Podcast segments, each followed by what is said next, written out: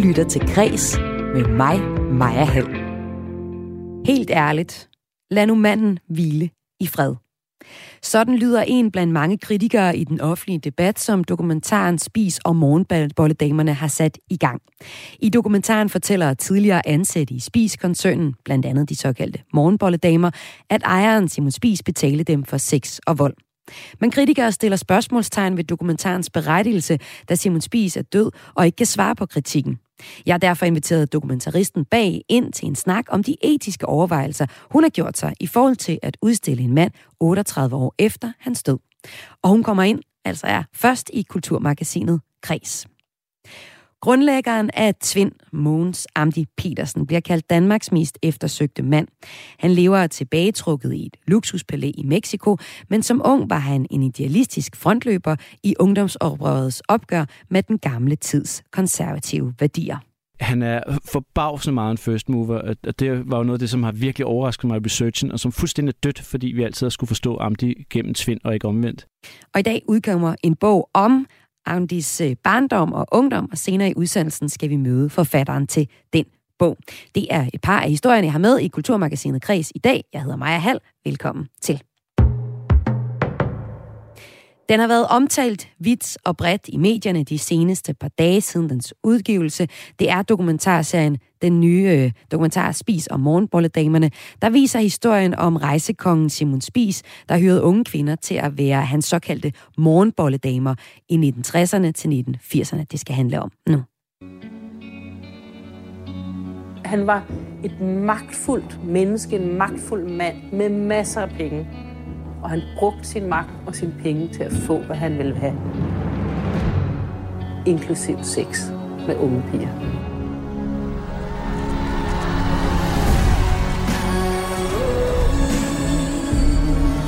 Simon, han var jo kongen i vores lille rige, ikke? Det er slangen i paradiset, som vi alle sammen ser bort fra. Var der vold involveret? Hvis du gik med til, at han måtte brække din arm, så ville du få 10.000. Da jeg kørte ham hjem, så spurgte hun, at det mente du da ikke det der. Det kunne vi sjovt på at høre det knæk.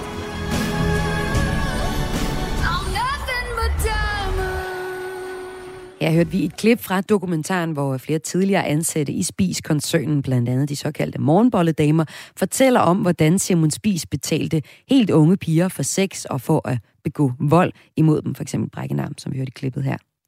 Her i programmet der talte vi i går med en af de tidligere ansatte og en historiker om datidens syn på sex og overgreb, og om det var medvirkende til, at ingen rigtig tog afstand fra Simon Spis handlinger dengang.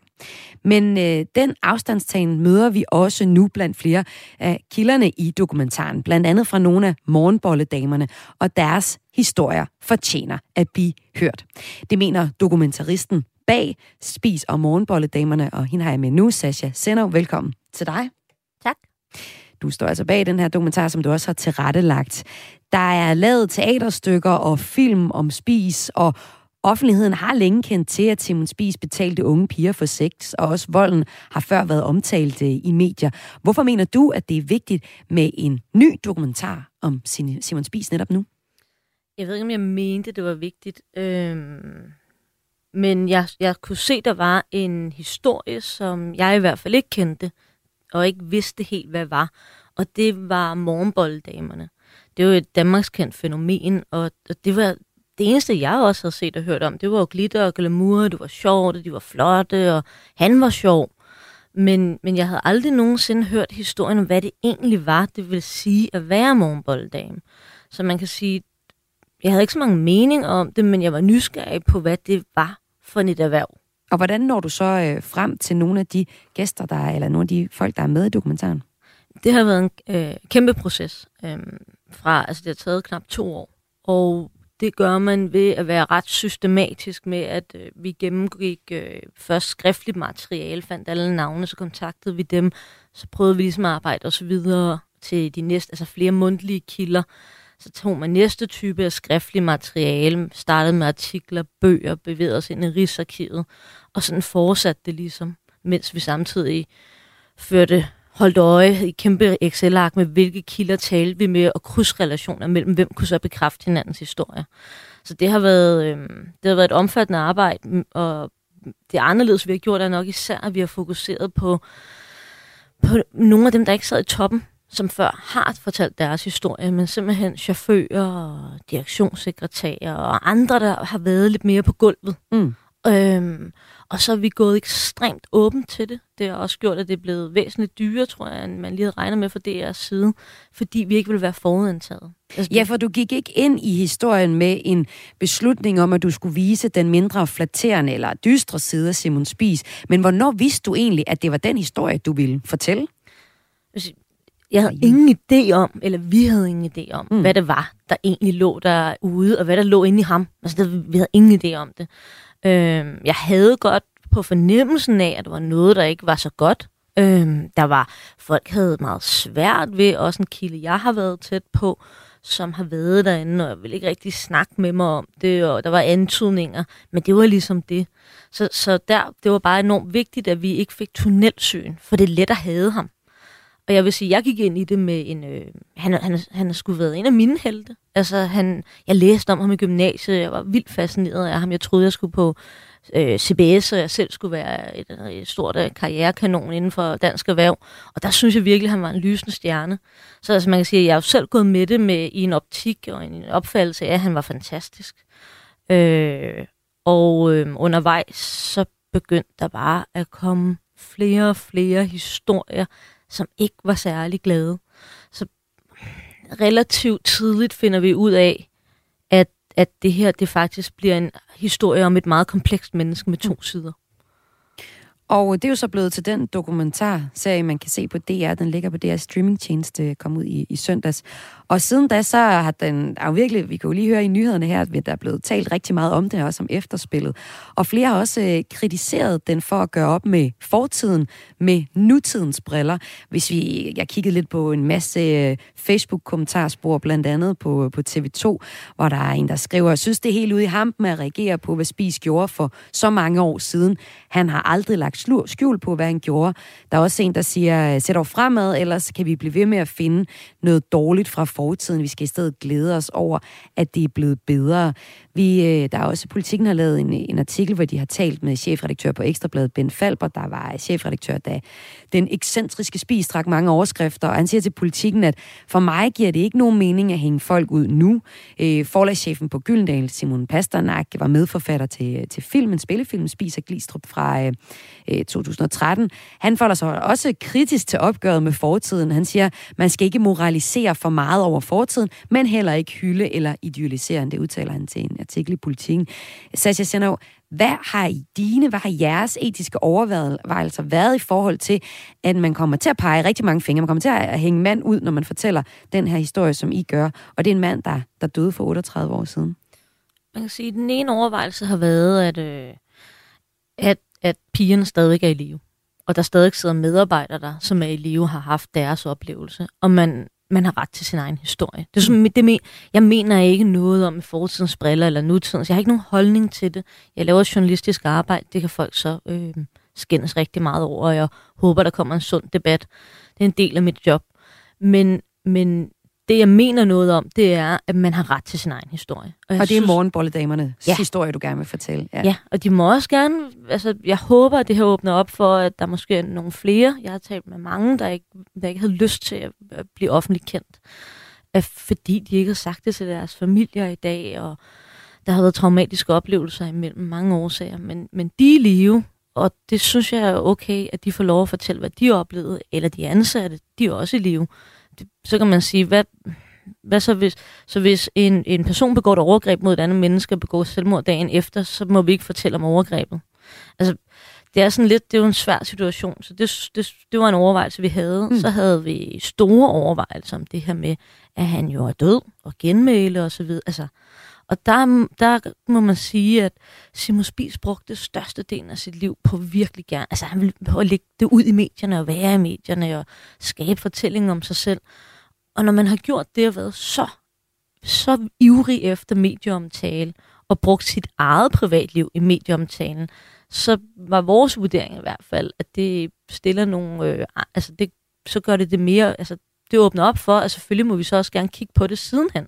Så Han har styret fortællingen dengang, men der er jo ikke nogen til at styre den nu. Mm, så argumentet for at lave en historie, der er kritisk over for Simon Spies øh, nu, øh, med nutidens 2022-briller, hvor vi har haft en MeToo-debat, øh, øh, og, og det er jo også farver den måde, vi laver film og dokumentarfilm på nu, det er, at Simon Spies, øh, dengang han var fremme, var så meget fremme og var så glad for at fortælle hende, sin historie det er, et af, altså, det er et af mange variable, der indgår, når man træffer sådan en beslutning, om det er okay.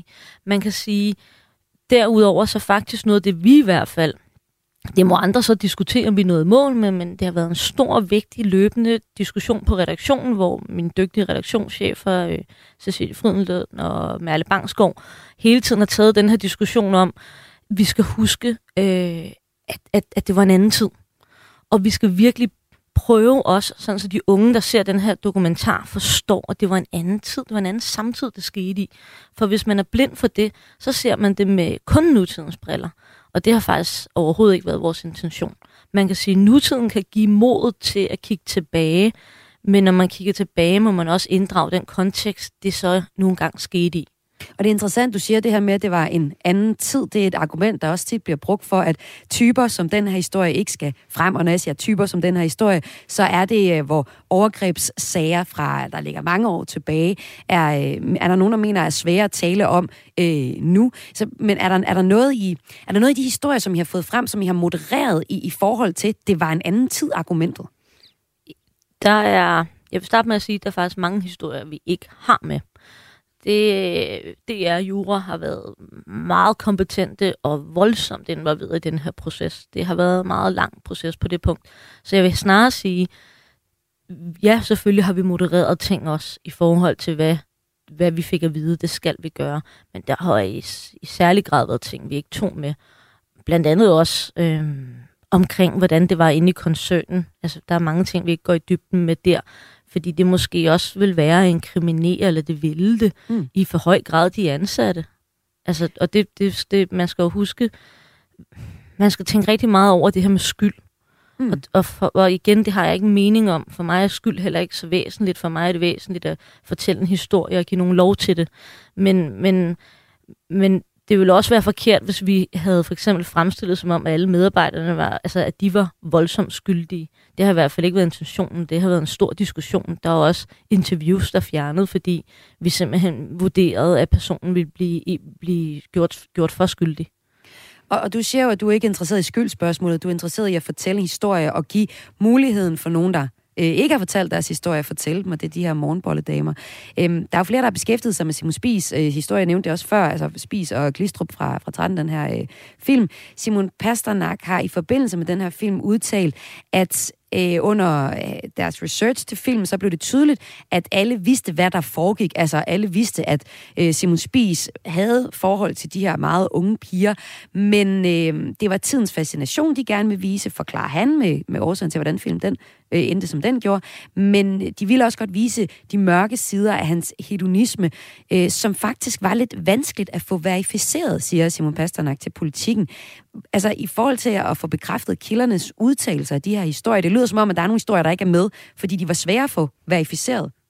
Var det det?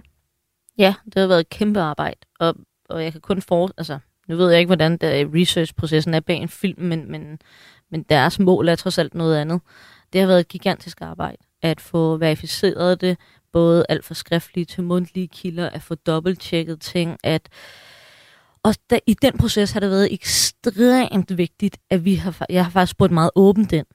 Og derfor så er der sikkert også nogle kilder, der synes, det er underligt. Sådan, Nå, men vi snakkede også om det gode, og ja, fordi det var vigtigt, at jeg ikke influerede noget, de havde oplevet, eller noget, de havde at sige. De skulle have lov til at svare så rent som muligt. Så det gik vi meget op i, at vi ikke påvirket ved at komme til at tale over os til en kilde, der så kunne gentage en historie, de måske ikke helt havde oplevet. Og der kommer du ind på nogle af de mange dilemmaer, som man skal arbejde med, når man har en historie, og måske dig, Sascha Sender, jo egentlig kunne se en historie, men blev nødt til at, at, øh, at få det hele med fra, øh, fra gæster, eller fra de folk, jeg er med i den her øh, dokumentar. Altså, jeg ved, at du at MeToo-debatten har inspireret dig til at tage fat i den her historie, og også følge den til dørs. Øhm, men det er jo også interessant, hvad den har fået af efterspil allerede nu. Nu kom den ud i, i søndags på stream på DR.dk. Altså, øhm, der, øh, koncernen har i et skriftligt svar til DR taget afstand fra udnyttelsen af de unge piger, og direktør Jan øh, Vendelbo understreger over for Jyllandsposten, at morgenbolledamerne ikke hører nogen steder hjemme, at Spis ikke vil øh, give kvinderne en undskyldning, som de jo faktisk har ønsket, efter de har medvirket. Nogle af dem har medvirket direkte i dokumentaren. Til gengæld så vil koncernen så ikke længere bruge navnet Simon Spis i markedsføringen. Øhm, du har ikke vil placere et skyldspørgsmål, men hvad siger du egentlig til, at den dokumentar, du har været med til at lave, har ført så vidt, som det har? Det har jeg ikke rigtig nogen kommentar til. Jeg, jeg, jeg, altså, jeg tror, det lader være med journalister og også mennesker. Man kan jo godt vågne op med lidt åben mund og polyper, når man, når man ser det eksplodere for øjnene af en. Øhm, havde du ikke regnet med, at det ville eksplodere, som du siger? Jeg havde der en...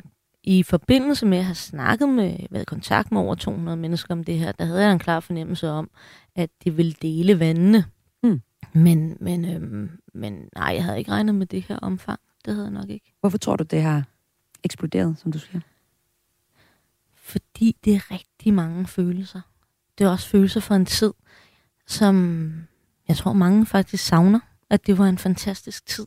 Generelt i Danmark. Det var sjovt. Og, og oven i det, så repræsenterer han noget frihed. Altså han er et ikon og en myte, og på absolut indtil nu måske på, på den mest positive måde. Og han brød, med, han brød med noget af det, der holdt os tilbage, og jantelov og sådan noget. Det var op i røven med det, ikke? Og stor skæg og leopardshul, og så bare stige afsted. Øhm, og, og det tror jeg da, det, det er jo noget, der, når ikke man hører om det andet, så er det da svært ikke at holde af. Så jeg tror på den måde, der er mange følelser, så tror jeg også, øh, gik op for mig for nogle af kilderne, at noget af det, de faktisk havde det svært med, det var, at de var bange for, om de inkriminerede sig selv. Havde de, skulle de have anmeldt noget? Skulle de have gjort noget? Det er jo også et aspekt i, at folk kan have lyst til at være, altså at kan blive bange eller vrede over noget kommer ud.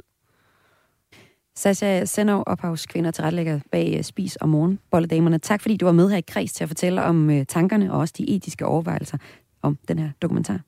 Det var så lidt. God dag. I lige måde. Og Spis og Morgenbolledamerne, den kan du se på DR.dk. Om lidt her i Kulturmagasinet Kreds, der skal det handle om, at tidligere kriminelle kan lykkes med at få rigtig, rigtig, rigtig mange følgere på sociale medier.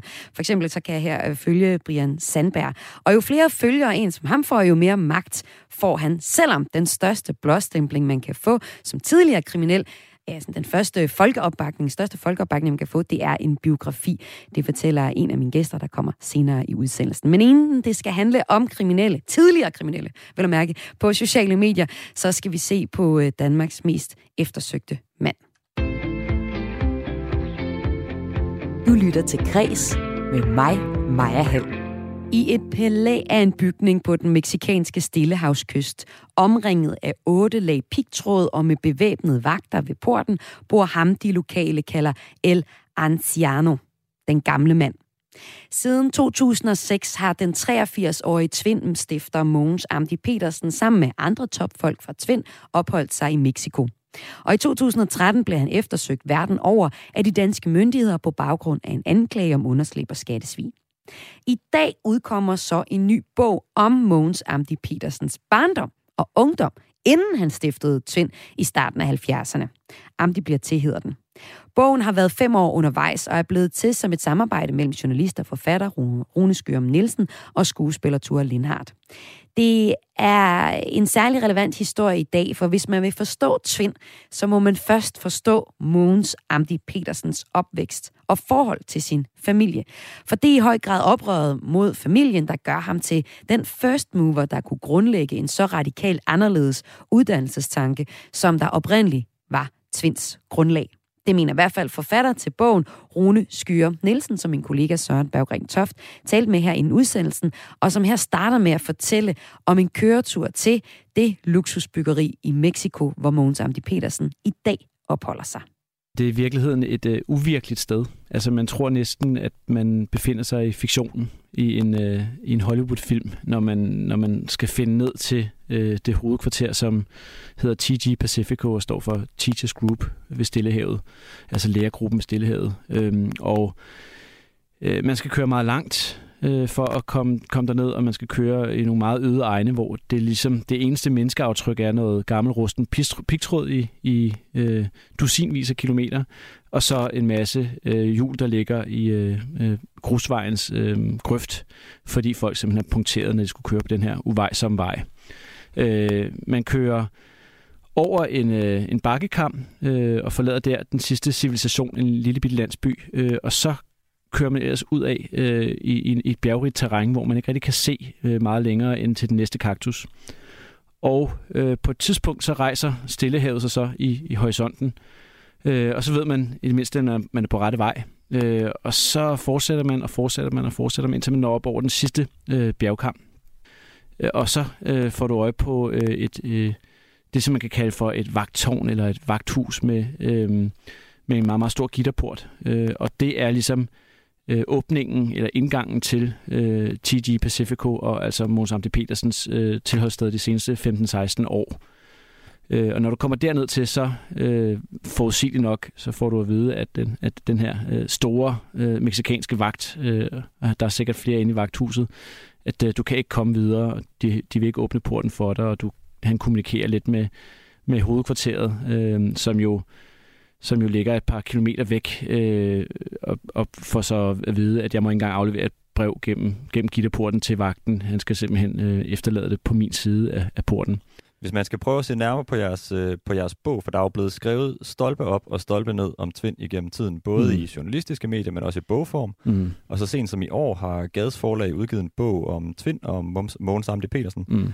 Øh, jeres bog beskæftiger sig ikke direkte med Tvind. Den handler i stedet om Mogens Amdi Petersens opvækst og ungdom. Den går fra 1939 til 1970. Mm. Hvorfor har I valgt den vinkel, i stedet for at beskæftige jer med Tvind, som jo er hans, hans livsværk? Jamen, jeg er selv øh, født i 78, altså da Tvind er øh, allerstørst i den danske offentlighed.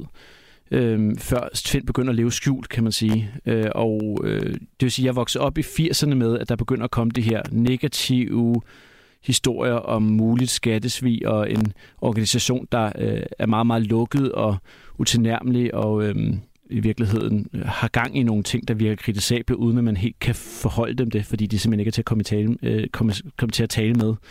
Så øh, jeg voksede op med, at Tvind er sådan en øh, uigennemtrængelig og lidt øh, systemisk og øh, uappetitlig størrelse, som man ret hurtigt bliver træt af. Og det synes jeg også øh, øh, er lykkedes for Tvind at sætte sig i den måde, som folk har skulle formidle Tvind på gennem årene. Altså at, at man, bliver, man, man står ret hurtigt af, fordi det er så uhåndgribeligt, det er så abstrakt, hvad Tvind egentlig er, og hvad det er, de står for, og hvem det er, der opererer inde i Tvind.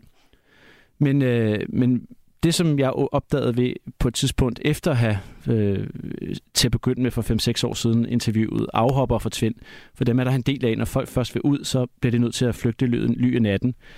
Øh, der, der fik jeg jo masser af de her vilde historier om, om altså, hvad fællesskabet ligesom øh, lægger ned over individet, og hvordan man skal ligesom rette ind og opgive sin fortid for at være en del af Tvind. Øh, det skulle man i hvert fald i, i den periode, hvis man var dansk øh, Tvind-medlem. Og øh, øh, der måtte jeg bare sige, at det var nogle gode historier, men dem havde jeg hørt før, og de er jo bare ikke specielt fængende, fordi der ikke er så mange kroge at hænge de historier op på. Og så begyndte jeg i stedet for, nogle gange med hjælp fra Ture, øh, og øh, researche helt tilbage til Mons Amte Petersens baggrund, øh, øh, barndom. Og så gik det jo op for mig, at den her meget ufortalte historie om, hvad hans egen familie i virkeligheden kommer af, det to meget opdelte øh, familiegrene, der, har, øh, der, der mødes i hans barndomshjem, øh, og hvad han er for en, en dreng, øh, var, var stærkt overraskende, for han var noget helt andet, den her mørke, utilgængelige fyrste, som, øh, som man kender efter, at han, han gik under jorden i slutningen af 70'erne. Så hvis, hvis, hvis, Rune, hvis vi skal tage fat på, hvis vi skal lige hurtigt mm. tage fat på Mogens Amdi Petersen, inden vi øh, vender tilbage til hans familie senere. Ja. I, øh, I skriver i øh, bogen et åbent brev til Mogens Amdi Petersen, hvor I blandt andet skriver, og jeg citerer, du er det, vores generation kalder en first mover. Uden dig vil der have været færre pædagogiske landvindinger, uden dig færre fællesskaber, uden dig mindre at skrive hjem om. Mm. Hvad er det, øh, der gør Mogens Amdi Petersen til en first mover? Jamen, han er forbavsende meget en first mover, og det var jo noget af det, som har virkelig overrasket mig i researchen, og som fuldstændig dødt, fordi vi altid har skulle forstå Amdi gennem Tvind og ikke omvendt. Øh, jamen, han er øh, øh, i slutningen af 50'erne, da han ligesom skal væk fra sit meget... Øh, disciplineret og øh, barske øh, barndomshjem. Han, han voksede op på en skole øh, som søn af en skoleinspektør, der er, der er berygtet for at være meget ro.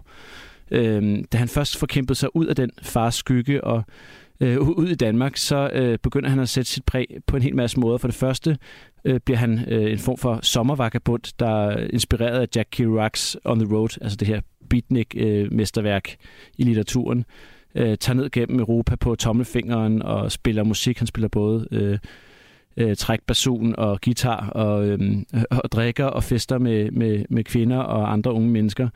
Øh, det kan være svært at forestille sig Måns Amti i dag, men det gjorde han faktisk. Øh, senere hen, der bliver han en af frontfigurerne i bevægelsen, øh, den bevægelse, der hed øh, kampagnen mod atomvåben, øh, og i virkeligheden en af dem, der indgød en hel generation af unge øh, håb øh, og, og tog dem, rev dem ud af apatien, mens man frygtede for, for det her atomkapløb, som var i gang mellem Sovjet og USA.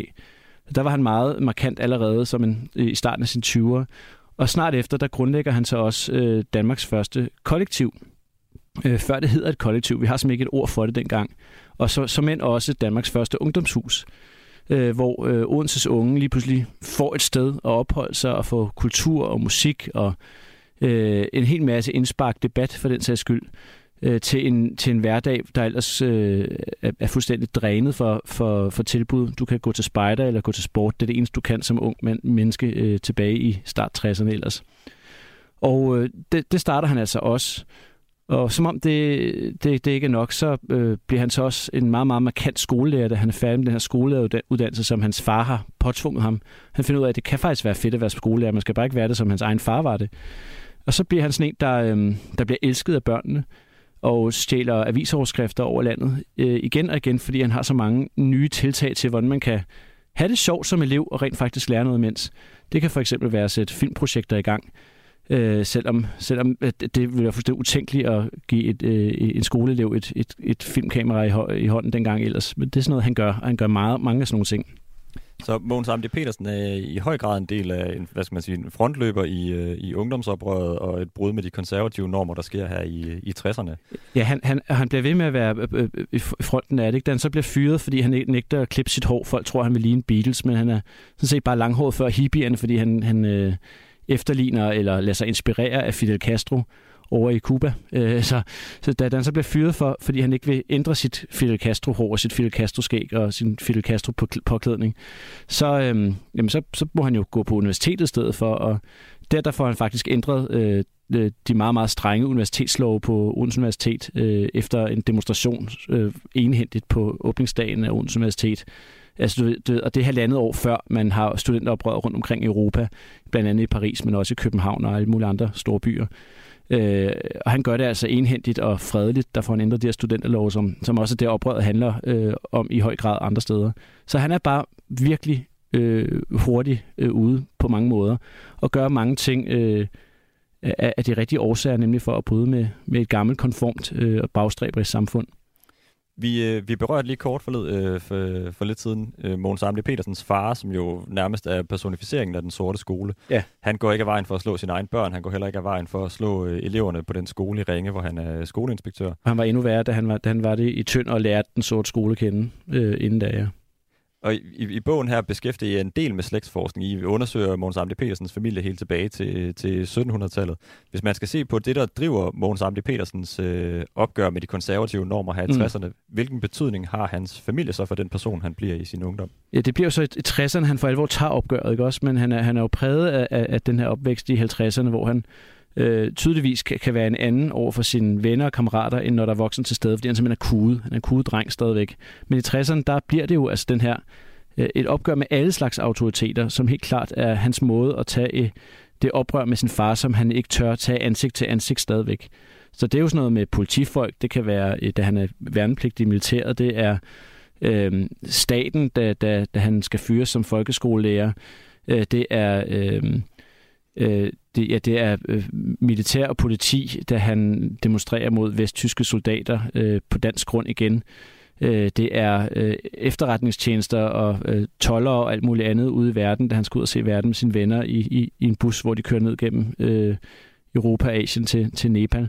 Så du ved, der, der er hele tiden noget, hvor han prøver grænser af, Øh, og det er jo helt klart noget, som øh, er meget, meget illeset hos hans far, der ender med nærmest at slå hånden af ham øh, i 1966, da han har lavet sin tredje eller fjerde offentlige skandale, i hvert fald i farens øjne skandale.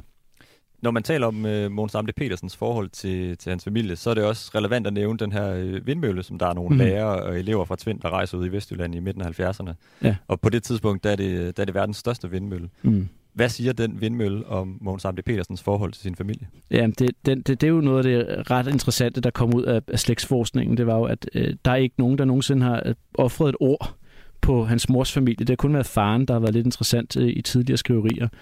Men morens familie spiller tydeligvis også en stor rolle i hans opvækst. Øh, moren kommer fra nogle helt andre kår end faren. Faren var skomagersøn. Moren er matador-datter. Hun er opvokset i Fredericia øh, og har en familie, der er meget, meget succesfulde møller i mange generationer tilbage. Og det er de også i Fredericia. Og den her mor, hun, øh, øh, hun har altså en, en, en storebror, der bliver den nye møller, da, da, da faren dør. Og han bliver den største møller i Danmark, af den, der sidder på det meste af melproduktionen i Danmark øh, i 70'erne. Øh, og det vil sige, at øh, den største møller, han bliver altså overgået i møllestørrelse, da vindmøllen kommer til i 78 på Tvind. Og der kan man jo sige, måske var det også en lille hilsen øh, til, til onklen på det her tidspunkt, som tilfældigvis er konservativ øh, viceborgmester i Fredericia også, og har haft et stort øh, familieopgør med, med Mogens Amte Petersen tilbage i 60'erne. Hvad handler det familieopgør om? Jamen, det, der, der ligger selvfølgelig en masse andet til, til, til grund for det, men, men det eskalerer til, at øh, under en konfirmation for, for Måns Amte Petersens fætter, der nægter øh, Amdi øh, at spise med, med bestik, og sidder så spiser med fingrene i stedet for under den her familie øh, fine middag. Og så bliver han jo i den grad øh, øh, skældt ud og ryger i konfrontation med, med sin, øh, sin onkel, som bare hedder Mølleren, fordi han er så stor en personlighed Fredericia. Så igen et opgør med de konservative normer, må man sige. Det må man sige. Hvis, øh, hvis man skal se nærmere på et af de andre centrale punkter i øh, fortællingen om Mogens Amdi Petersen, så kommer det i 1967, hvor han og en gruppe venner kører afsted i en gammel rutebus med retning mod Nepal. Øh, de har besluttet for, at den her rutebus have en topfart på 50 km i timen mm. for at skåne, for at skåne den gamle dieselmotor, skriver i jeres bog. Ja. Hvad kommer den rejse til at betyde for øh, Mogens Amdi Petersens tanker om skole og uddannelse? Jamen indtil da, der har, øh, har han jo øh, op gennem 60'erne fundet ud af, altså efter han er kommet ud af sin fars skygge, at han kan noget helt særligt med andre mennesker. Folk øh, samles omkring ham. De øh, øh altså, øh, vælter ind i hans kollektiv, og de samles omkring ham i undervisningen og i alle mulige andre oprørssituationer, som han, øh, som han fremprovokerer gennem 60'erne. Så han ved lige pludselig, at han, han kan noget særligt. Han har en karisma, en magnetisme, som som er det færreste fundt. Og øh, den øh, bruger han så også til at trække en hel masse mennesker med sig ud og rejse og se verden. Og undervejs, mens de ser verden, der ser de jo især den tredje verden. Fattige, fattige kår i Pakistan og Indien og øh, Afghanistan osv. Og, og øh, det, der gør indtryk på de her mennesker, selvom de også har været med ham omkring øh, øh, protesterne mod atomvåben osv., det er, at de virkelig, virkelig bliver berørt af at se, øh, hvor, hvor dårligt man har det ude i verden, ude i den tredje verden. Og da de kommer hjem, så er de indstillet på en her måde øh, på at ville ændre verden, fordi de har set, hvor urimeligt og uretfærdigt det, det egentlig er indrettet. Og der kan han jo godt se, okay, nu har jeg fundet øh, et kald, noget jeg kan, øh, kan bruge til at på mange måder øh, at samle øh, ikke bare få folk omkring mig, eller en flok omkring mig, men, men en hel organisation. Og det er jo det, der i virkeligheden så øh, danner øh, baggrunden for, at, at Tvind bliver til, nemlig den rejsende højskole, som så bliver til mange andre slags skoler også. Men Rune, hvordan, hvordan ender en idealist som Mogens Amdi Petersen, der vil bryde med de konservative normer, der vil åbne verden og gøre verden til et radikalt bedre sted. Hvordan ender han med at bo i flyverskjul i et luksuspalads på den meksikanske Stillehavskyst og være eftersøgt verden over af den danske stat?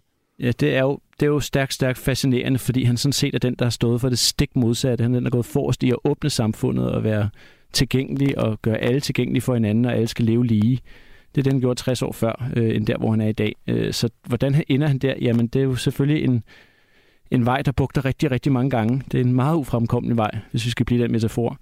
Og øh, hvad det er, der sker, jamen vi kan allerede se tendensen til det her i op gennem 60'erne, at da han netop har fået den her store øh, bevidsthed om sin egen karisma, så begynder han, den jo også at stige ham til hovedet på den måde, at han får sværere og sværere ved at tåle, at andre siger ham imod, selvom han indretter sine fællesskaber som flade hierarkier, hvor alle skal have lige meget skulle have sagt, så ender det jo altid med at være ham, der står til sidst. ligesom hans øh, store idol, Fidel Castro, også altid står til sidst i en diskussion. Og derfor så, øh, så, så bliver han jo langsomt øh, mere og mere magtfuldkommen, og det er så noget, der bliver rigtig tydeligt i 70'erne i Tvind, og det kan være, at det er noget, jeg vender tilbage til på et senere tidspunkt, men altså, historien før det er så utrolig i sig selv, og den siger så meget om Danmark og verden på det tidspunkt, at, øh, at den skulle have lov til at leve uden at blive forstyrret af det her uigennemskuelige og abstrakte Tvind. Men så kan det være, at man nu har nogle nøgler til at forstå Tvind i anden omgang. Du er journalist, og du er forfatter. Du har skrevet en del portrætbøger efterhånden. Du har skrevet om dansk hiphopkultur. Du har skrevet om Medina, Jakob Ejersbo, Niklas Bentner. Hvorfor har du kastet dig over Mogens Amde Petersen? Hvorfor er han relevant at læse om stadigvæk? Øh, jeg synes, han er endnu mere relevant end nogensinde. Fordi øh, altså for det første lever han. Han er Danmarks mest eftersøgte mand, som du selv nævnte. Han er jaget, jaget vildt øh, i, i, i det meste af den vestlige verden også. Øh, hvorfor er han interessant? Jamen, fordi at han jo på mange måder øh, var i stand til at mobilisere unge mennesker, som ingen andre var i 60'erne. Og den øh, form for mobilisering kunne måske være interessant, og de evner kunne være interessant at se på i dag, hvor de unge mennesker har brug for at, at mobiliseres igen. Og samtidig så er han jo bare en voldsomt god, øh, og i virkeligheden også øh, sådan filmisk historie, øh, episk historie, fordi han er gået fra at opvokse i mørket, og så bryde ud og søge lyset, og nu igen øh, i nogens øjne leve, leve i mørket, og i hvert fald i et gylden bur. Bogen her, øh, Amdi bliver til, den har du skrevet i samarbejde med skuespiller Ture Lindhardt. Hvordan har I samarbejdet om den her bog? Ja, det er mig, der har skrevet den, men uh, Ture har været med til at interviewe en hel del folk, og så har han nogle gange været en rigtig god uh, sparringspartner på idéplanet. Altså, når man fortæller sådan her, så kan man jo enten vælge at opremse alt, man med om Amdi, eller så kan man dykke ned i de historier, som man mener er særlig formative og spændende og vedrørende, og altså fængende for, for, for læseren. Vi vil jo gerne lave noget, der er fængende og spændende, og ikke bare noget, der, der kan bruges som opslagsværk.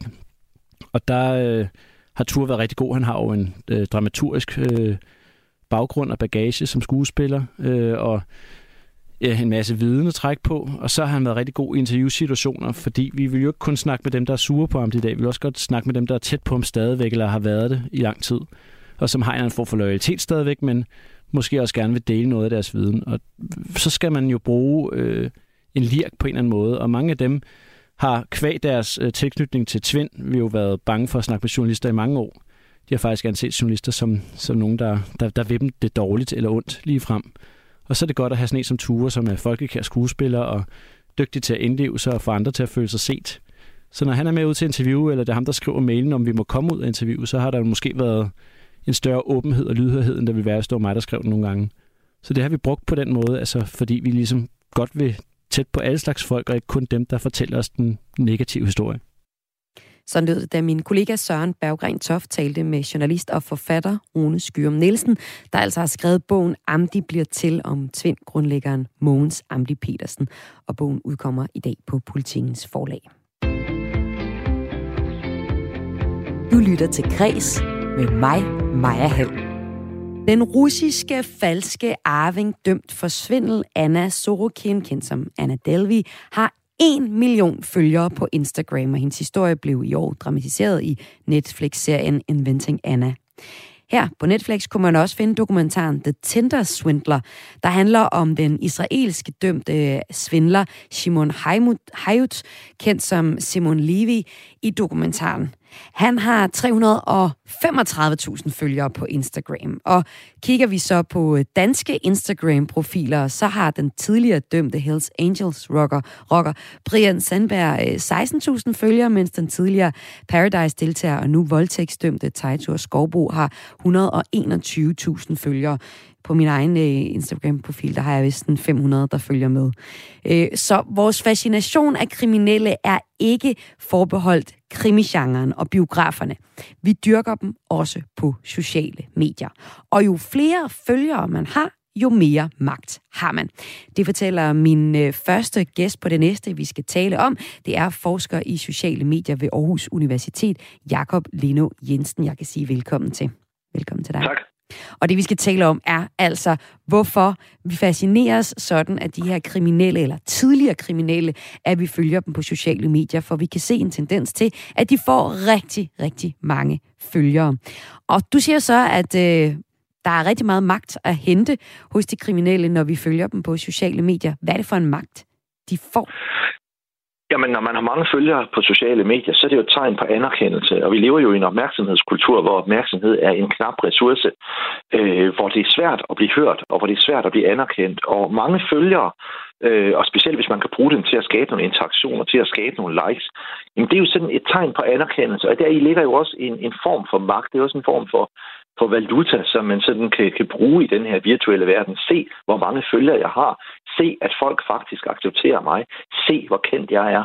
Og om lidt skal vi også tale med en psykolog om, hvorfor vi fascineres af kriminelle.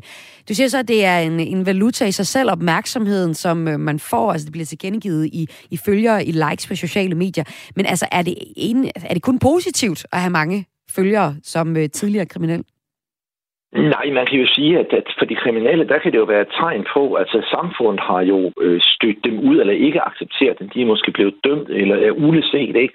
Og her er der sådan en måde at opnå en, en slags oprejsning på. Altså, at okay, det kan godt være, at samfundet ikke kan lide mig, men jeg har mange følgere. Øh, og det er jo også en form for anerkendelse for nogen, der måske på andre måder føler sig udstødt. det man jo også skal huske på, det er, at mange følgere kan jo også give tilbageslag. Man kan hurtigt blive kendt på sociale medier, man kan hurtigt blive populær, men man kan også hurtigt få det det, som man kalder en såkaldt shitstorm. Altså man kan også hurtigt blive upopulær. Med andre ord, det er en meget flygtig verden. Det, man hurtigt har bygget op i anerkendelse, det kan man også meget hurtigt miste igen.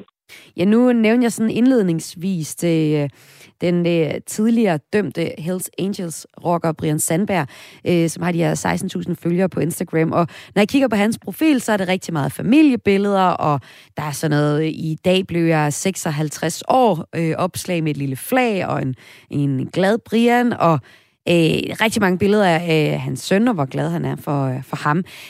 Det lyder som nogle det er sådan nogle, det, der, der er ikke nogen shitstorm, der kommer ud af det. Altså, det giver vel bare aktivitet, at folk så liker ham og siger, øh, du, er, du er fed, jeg vil gerne følge dit liv.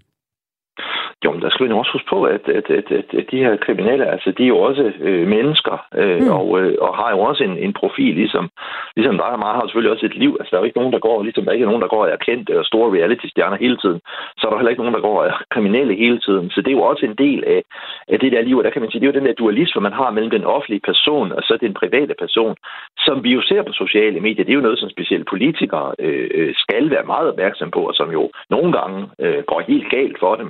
Øh, Øh, så det er også en balance, man skal håndtere, øh, når man er på de sociale medier og har et navn øh, i forvejen i offentligheden. Og man kan jo faktisk tale om, det er i hvert fald noget, jeg øh, der arbejder med det her, taler om, at det er jo en valuta, man kan handle med, altså at have meget, mange følgere på sociale medier. Og den øh, valuta bliver så nogle gange omsat til for eksempel øh, serier eller bøger. For, og det er jo noget, vi har set egentlig i lang tid. Altså de to ting, de hjælper nok lidt hinanden. Hvis der kommer en serie om en, så kan det være, der kommer lidt flere øh, følgere på de sociale medier, og omvendt. Øh, vi har først set kriminelle for taletid i medier og, og på forlag, altså med selvbiografier, af tidligere øh, dømte. Altså man kan skabe sig en karriere på at have en krimi, altså har, har været øh, tidligere kriminel. I øh, Danmark har vi blandt andet set den tidligere dømte rocker Jynke udgive flere selvbiografier. Jynke var gennem øh, 40 år medlem af motorcykelklubben klubben Hells Angels og har afsonet flere lange fængselsstraffe, blandt andet 11 år for drabet på lederen af en rivaliserende rockerklub. Vi har også øh, en tidligere dømt narkohandler, øh, Jim øh, Latashe Kvartrup, medvirker i Mads Bryggers dokumentarfilm Mulvarpen Undercover i Nordkorea. Og, og det, han har også udgivet en bog om sin kriminelle løbebane. Og på en måde, så har vi jo altså, før set velintegrerede institutioner give indhold i samarbejde med de her kriminelle, eller i hvert fald tidligere kriminelle.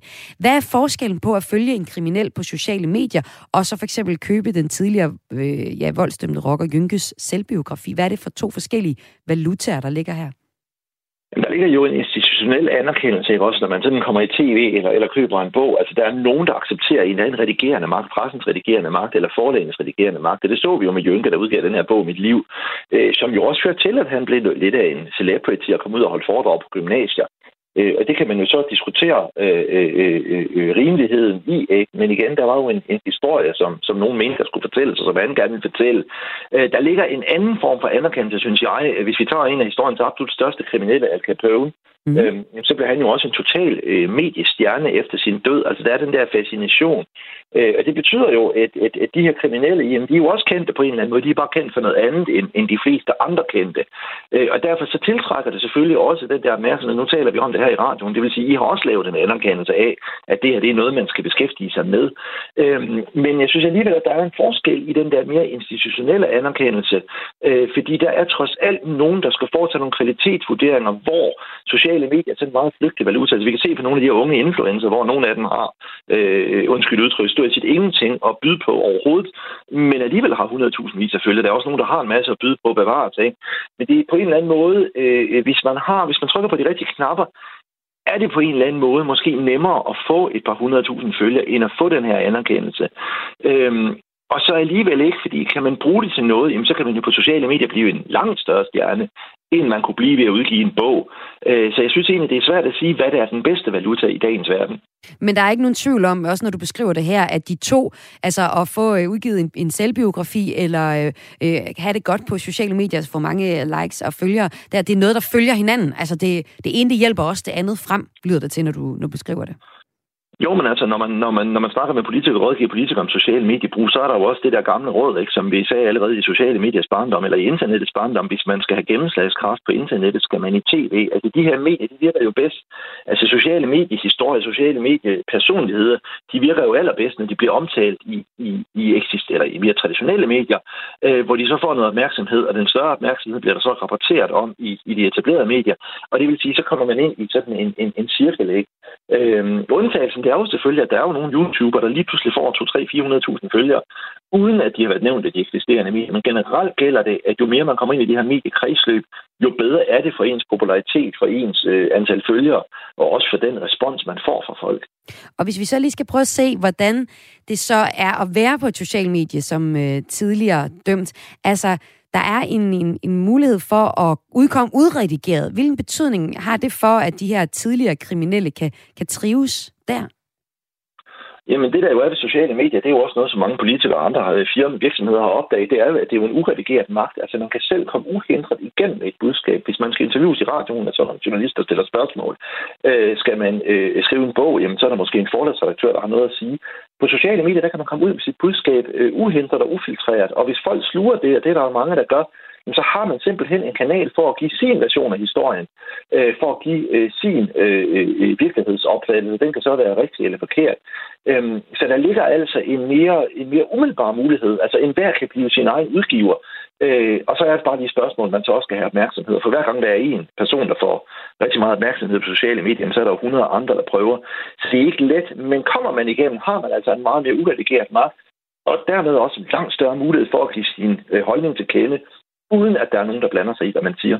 Og så kan man jo så tale om, om det er okay eller ikke okay at følge eller købe de her øh, biografier om tidligere dømte. Men man må jo også sige, at de er dømte og har udstedet deres straf. De eksempler, vi, øh, vi kommer med her, eller er i gang med, som Anna Leve er i gang med at udstede sin, øh, sin straf. Så er der jo selvfølgelig også det, øh, som måske også bliver aktualiseret i dag, hvor vi har en regering, der, der taler om en, en ny bandepakke, altså hvor man dem, der er i gang med at udøve øh, kriminalitet, og hvor sociale medier også spiller en rolle her. Her er der jo en, en helt anden, øh, hvad skal man sige, øh, der er, en helt, der er nogle helt andre parametre, der, der gør sig gældende. Men jeg kunne forestille mig, som, som forsker i sociale medier på Aarhus Universitet, øh, Jakob Lino Jensen, så er det også noget, man ser rigtig meget af, at kriminaliteten også er rykket over på de sociale medier.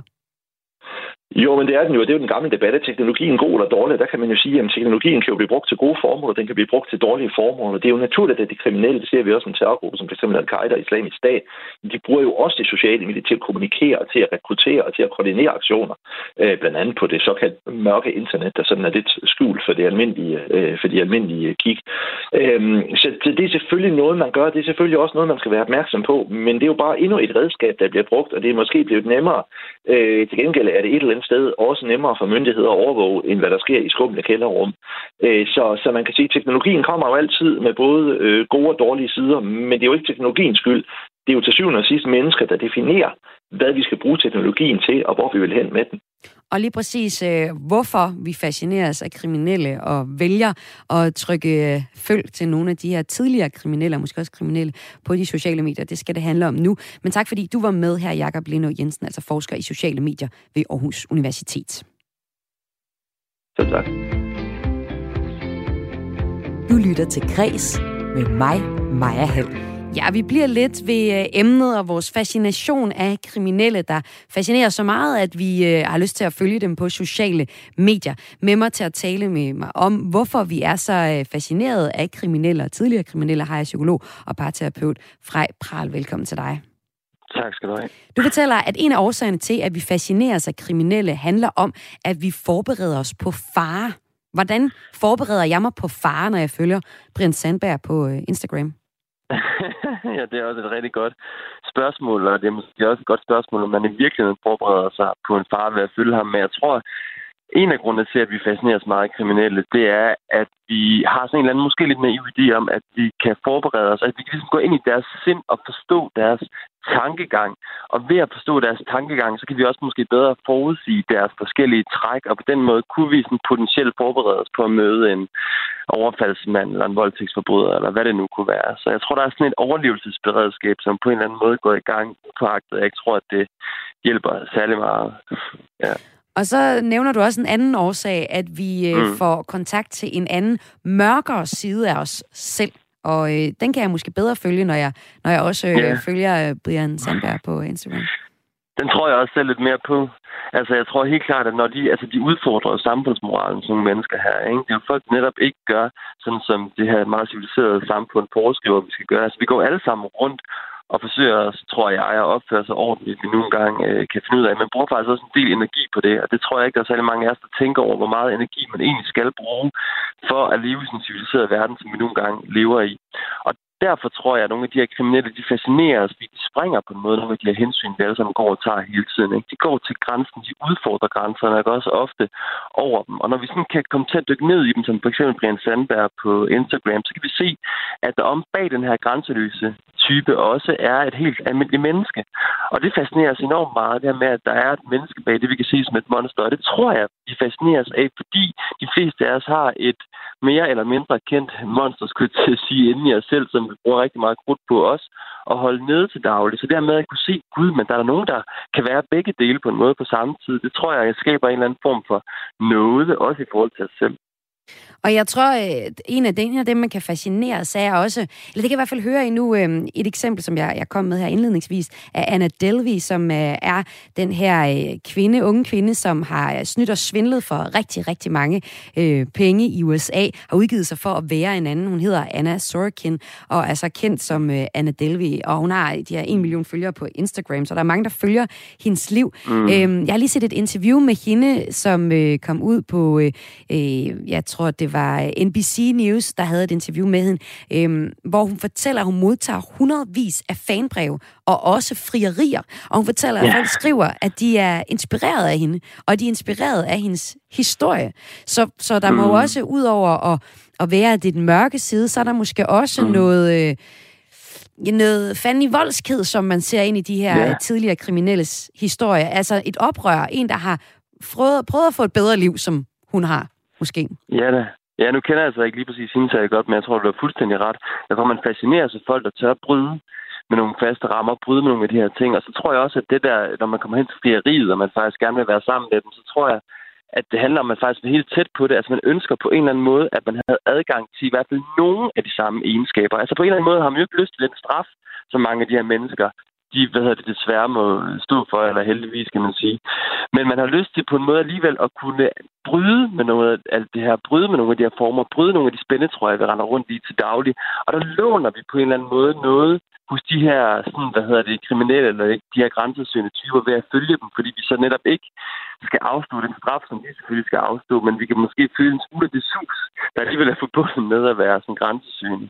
Ja, der er, jo, der, er jo, der er jo to typer, vi taler om her. Der er dem, der ligesom er tidligere dømte, som der fortæller om deres uh, kriminelle mm. historie, men jo har afstået straffen. Og så er der selvfølgelig også dem, som er, måske man vil sige, øh, små kriminelle nu. Og jeg kan huske, der var musikeren Jamaica fra øh, et års tid siden, som mens han var på øh, flugt fra politiet, jeg kan ikke huske, hvad den konkrete sag handlede om, men mens politiet mm. gerne ville have fat i ham, så var han live på Instagram. Altså, får vi slet ikke kig ud af at følge kriminelle på sociale medier? Ja, i den grad. Især når der kommer sådan noget der, der kan være helt live. Ikke? Det svarer jo lidt til det her med ambulancen, hvor alle stopper op og kigger. Ikke? Altså, når man, der er et eller andet færdselsuheld. Altså, jeg tror, at når vi går rundt i vores hverdag, så tilbyder de også at kigge ind i noget, der sådan bryder med alt det der hverdagslige. Ikke? Nu kommer dramatikken. Ikke? Nu kan vi sgu mærke livet for alvor. Og det tror jeg helt klart, at de der kriminelle hjælper os i kontakt med. Og det siger måske mere noget om, at vi selv lever sådan et halvkedeligt liv, end det siger noget om de kriminelle. Og tak, fordi du var med til at sige noget om, hvorfor vi fascineres øh, af kriminelle psykolog og parterapeut Frej Pral ned her i Velbekomme. Og det var Kulturmagasinet Kreds for i øh, dag. Programmet her var tilrettelagt af Laura Lind Duholm og Søren Berggring Toft, og mit navn er Maja Hall, og jeg har været din vært på udsendelsen i dag. Om øh, et øjeblik, så kommer der vores eftermiddagsprogram Missionen, men inden da, så får du en nyhedsoverblik, og så kan du vente spændt indtil kl. 14.05 i morgen med en ny omgang Kulturmagasinet Kreds, eller finde programmet her som podcast i Radio 4's podcast-app.